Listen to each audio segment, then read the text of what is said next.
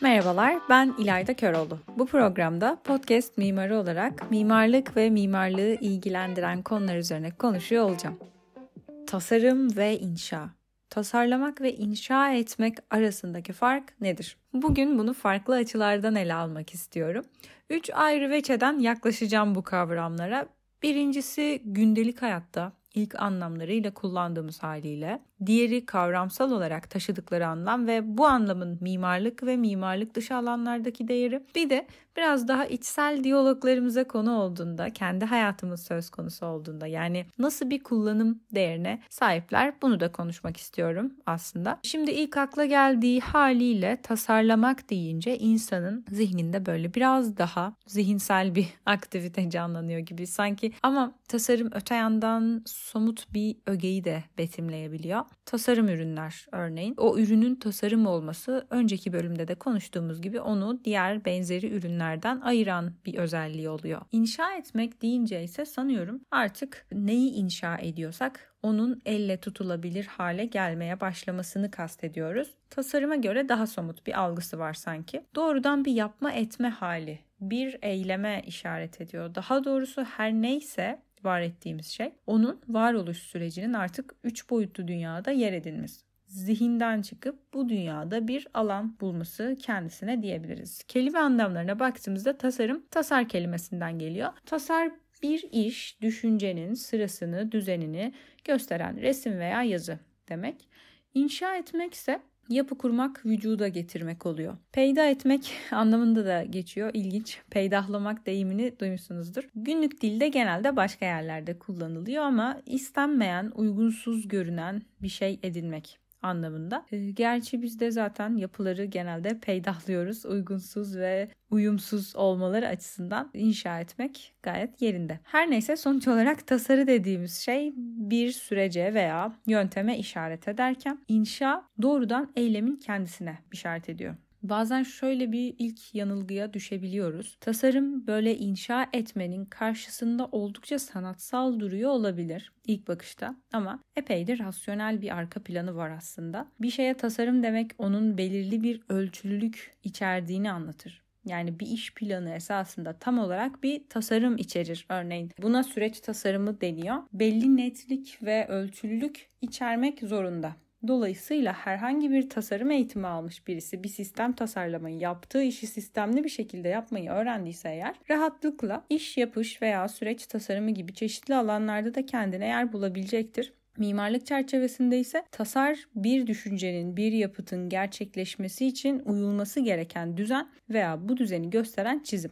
Bir de benim yakın zamanda karşılaştığım bir kavram var arkitektonik diye bir kavram. Mimarlık yani architecture kelimesinin içindeki tasarımın düzeni ve sistemi işaret eden yanını temsil ediyor adeta. Benim de bu noktada ilgimi çekmişti. Mimarlık sözlüğünde arkitektonik kavramı mimarlık kuralları bütünü olarak karşımıza çıkıyor. Mimarlık alanı dışındaysa arkitektonik felsefe diye bir şey var. Bu da Kant'ın sözünü ettiği bir kavram olarak görülüyor. Sistem kurma sanatı.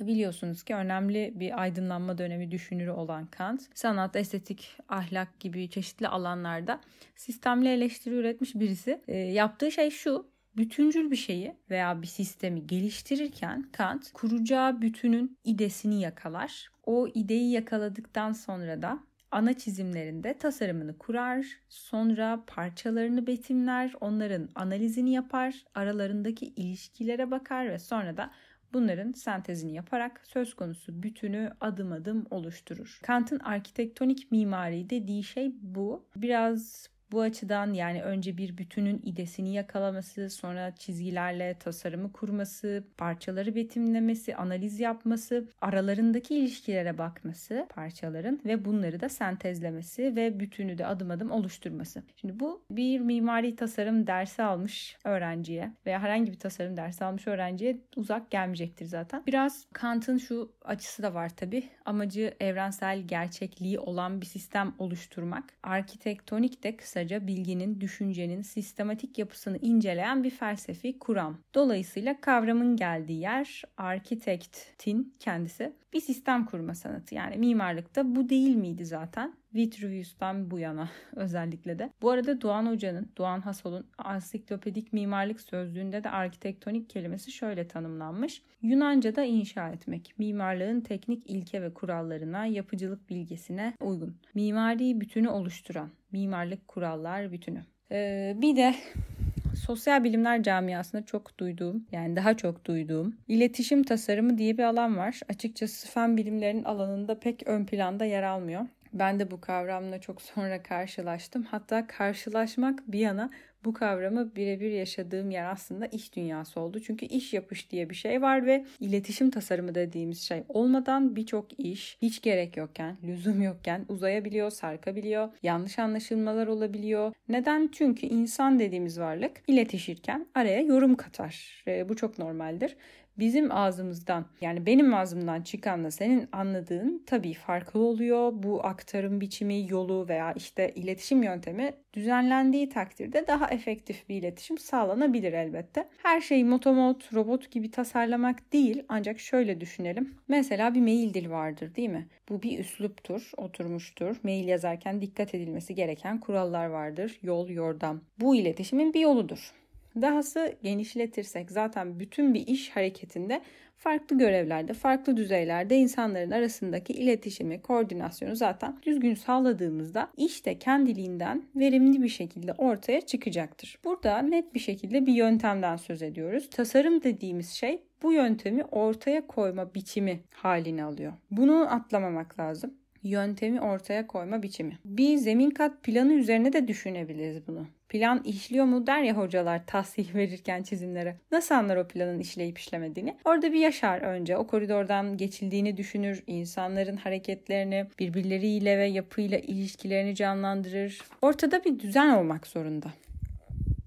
Böyle söyleyince biraz fazla 20. yüzyıl modernist yaklaşım oldu ama işleyen bir şey yapmak istiyorsak yaptığımız şey bu oluyor. Tasarım. En azından bu açıdan. Gerçi şimdi postmodernist eleştiriler de gelebilir. Bu açıdan konuşulabilir. Hatta ben daha hani keyifli belki konuşayım ama bence şu an bunu uzatmaya gerek yok. Burada bu açıdan bakıyorum. Bu arada iletişim ve iş koordinasyonu bayağı önemli. İşin tuhafı bunları bize okulda öğretmiyorlar. Hatta direkt bu işi yapan insanlar, şirketler var. Yani bir şirketin bütün iş yapış süreçlerini tasarlayan insanlar, firmalar var. Ve ben bu yöntemleri yeni öğreniyorum. Gerçek dünyada koordinasyon bir anda önem kazanmaya başlıyor ve teoriden pratiğe geçildiğinde düzen olmadan pratikte elle tutulur ve istenildiği gibi bir şeyler elde etmekte gerçekten zorlaşıyor.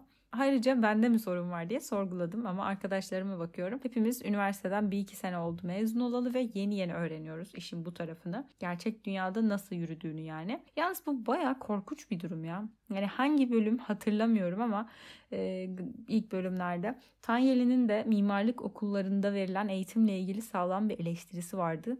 Galiba mimar ne yaparı konuşurken bahsetmiştik. Tanyeli mimarlık öğrencisi mimarlığı meslek hayatında öğrenecekse ne öğretiyor bu mimarlık okulları tarzında bir serzenişte bulunuyordu tabii. Ama ben şu an bunu abartarak aktarmış da olabilirim. Gerçi yalnızca dış etkenlere suç atmak da istemiyorum. Biz ne yaptık öğrenmek için o da var ama ne yapalım yani eleştirmeyelim mi değil mi? Velhasıl kelam. Tasarım kavramını bugüne kadar çok dar bir anlamda kullandığımı ve anladığımı fark ediyorum. Bu kavramın altını zihnimde ne kadar çok doldurursam da benim için daha fazla düşünce alanı açıyor. Bu muazzam bir şey işte. İşte tam da bu yüzden okumak gerekiyor kavramların altını daha sağlam doldurabilmek için. Böylece onlarla ne yapabileceğimizi de daha iyi anlayabiliriz. Aksi halde içi boş tasarım denen şey ortaya çıkıyor gibi sanki. Öte yandan bir şeyleri içi boş diye yaftalamak da istemiyorum. Rastgelelik ve gelişi güzelliğin de adı üstünde kendine ait bir güzelliği olabilir. Ancak bu bölümde ağır rasyonalizm savunucusuydum farkındaysanız. Her bölüm haftalık ruh halimi yansıtıyorum. Ne yapayım böyle oluyor. Yani yapacak bir şey yok. Son olarak aslında bir soru sormak istiyorum. Kendime de soruyorum bunu bir yandan. Siz de düşünebilirsiniz. Kendi hayatlarımız hakkında. Hayatımı tasarlıyorum mu dersiniz yoksa inşa ediyorum mu? Ben galiba kendi hayatımdan bahsederken inşa etmek deyimini kullanıyorum. Düşündüm de. İlginç. Şimdi bana göre bir şekilde eylemlerim belirliyor olan biteni. Evet hayal kuruyorum, plan yapabiliyorum ama kısa vadede çoğu zaman olur ya hallederim bir şekilde modunda olmayı seviyorum. Daha rahat buluyorum diyelim. Eğer kendime güvendiğim bir dönemimdeysem tabii. Kaygılıysam biraz daha plan yapmaya yönelebiliyorum veya kaygılandıkça plan yapamayabiliyorum değişiyor. Yani hayatımı tasarlıyorum diyemem sanırım. Plan desen ne kadar yapsam da bir şekilde bozuluyor. Uygulayamıyorum. Aksilikler çıkıyor veya canım istemiyor. Çok deniyorum bu arada ne planlar programlar ama gel gör ki 3. günün şafağında göremiyoruz uygulandığını. Sonra öğrenilmiş çaresizlik oluyor galiba bilmiyorum. O yüzden tasarlayarak yaşamak pek benlik değil. İsteyip de yapamadıklarımdan ama karakterimi tasarlıyorum dersem sanki pek yanlış olmaz. Onu net bir şekilde söyleyebilirim. Çünkü kendimi masaya yatırıp hangi özelliklerimi geliştirmek isteyip neleri aşmak istediğime, neleri göz ardı etmem gerektiğine eğilirim. Hatta kişisel olarak bu konuda biraz kendime acımasız davrandığım da olabiliyor ama buna da çalışıyorum. Bir bakıma kendi üzerinde çalışmak da bir çeşit tasarım olabilir. Dolaylı yoldan hayat tasarımı. Abartırsak evet. Gelişim veya yeni farkındalıklar için bilinçli olarak kendine bir yol haritası çizmek. Sonuçta çizdiğin yol haritası tasarım oluyor. Örneğin hangi eğitimleri alacağın, hangi kitapları okuyacağın, hatta hangi özelliklerini törpülemeye çalışacağın da olabilir. Sonuçta elde ettiğin yeni bir karakter oluşuyor. Onu inşa etmiş oluyorsun ister istemez. Bu da kendinin mimarı olmak diyebiliriz deriz bence evet. Yani Esen Onat söylüyordu değil mi? İlk bölümlerde konuşmuştuk bunu. Önce kendinin mimarı olmak önemli. Ve bu açıdan hayat bir bakıma tasarladığımız şeylerin kendilerine yer bulduğu bir alan. Bir inşa alanı. Ben hayatımı tasarlamıyorum, kendimi tasarlıyorum, hayatımı inşa ediyorum diyebilirim gibi geldi. Hayat sanki daha çok içinden geçtiğin, bir şekilde yapa ede var olduğun bir yer bir mekan. Daha doğrusu uzam diyelim. Çünkü zamanı da içeriyor espas. Evet uzam daha doğru oldu. Benlikse o mekanların her birinde kendine ayrı görünümler ediniyor. Tasarlıyorsun, tasarlıyorsun ve benliğin de onu yerleştirdiğin odaya göre yeni bir şekil alıyor ailenle, arkadaşlarınla, okulda, işte farklı bir kimlikte, farklı bir cepheyle kendini gösteriyorsun. Kendini ne kadar tasarlarsan tasarla, nerede nasıl inşa edersen orada o şekilde var oluyorsun. Uzun lafın kısası tasarım şart. Bunu kabul etsek de etmesek de. Bu arada dürüst olmak gerekirse ben bazen hiç hoşlanmıyorum tasarım yapmaktan. Yani çoğu zaman. Böyle akışına bırakmak daha bir geliyor içimden. Ya da o akış içerisinde kıvrılmak, daha hızlı kararlar alabileceğim bir yolda olmak. Bazı durumlarda nedense uzun uzadıya bir şeyler düşünüp taşınıp tasarlamak fazla müdahale gibi geliyor. Tadı kaçabiliyor benim için. Öte yandan müdahale etmeden de olmuyor gibi birçok şey. Tuhaf. Yine de yaşamımızı biraz olsun kendi kontrolümüzde inşa edebilmemizi sağlayan şey günün sonunda yine tasarım oluyor. Söz konusu yaşam olunca da fazla motomot hareket etmeye neden oluyormuş gibi hissettirebiliyor. Evet, örneğin her anını planlamak, tasarlamak ama gerçekten akıllı uslu bir iş yapmak istiyorsan da adı üstünde akıl ve mantıktan söz ediyoruz. Orada tasarım gerekiyor gibi duruyor. Toplumsal konular için de geçerli bu. Hatta daha geçerli bence. Çünkü toplum dağılmaya, taşkınlığa, düzensizliğe çok müsait de bir yapı. Özellikle insan toplulukları için söylüyorum bunu. Yani bilincinin bilincinde olan varlıkların bir araya gelmesi diğer canlılara göre daha zor malum. Evet toplumların da belirli bir dokusu düzeni olabilir. Kendiliğinden gelen desenler oluşturuyorlar. Yine de bugünün dünyasında bu kaosun ortasında ancak tasarım bu kadar insanın delirmeden kalmalarını ve uyumlu bir şekilde bir aradalığını sağlayabilir gibi geliyor en azından bana.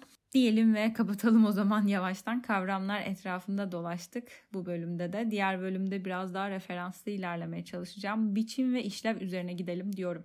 Biçim mi işlevi izler, işlev mi biçimi? Genelde şöyle düşünürüz. Bir işlev vardır ve o işlevi gerçekleştirmek için gerekli bir biçimi ortaya koyarız. Peki gerçekten öyle mi? Ya da sayden bir şey bir şeyi illa izliyor mu? iyice kökene indiğimizde yani antropolojik olarak belki ardından başka şeyler de çıkabilir. Bakalım bilmiyorum vallahi şu anda ben de bilemedim. Konuşuruz sonraki bölümde. O zaman görüşmek üzere. Şimdilik takipte ve hoşça kalın.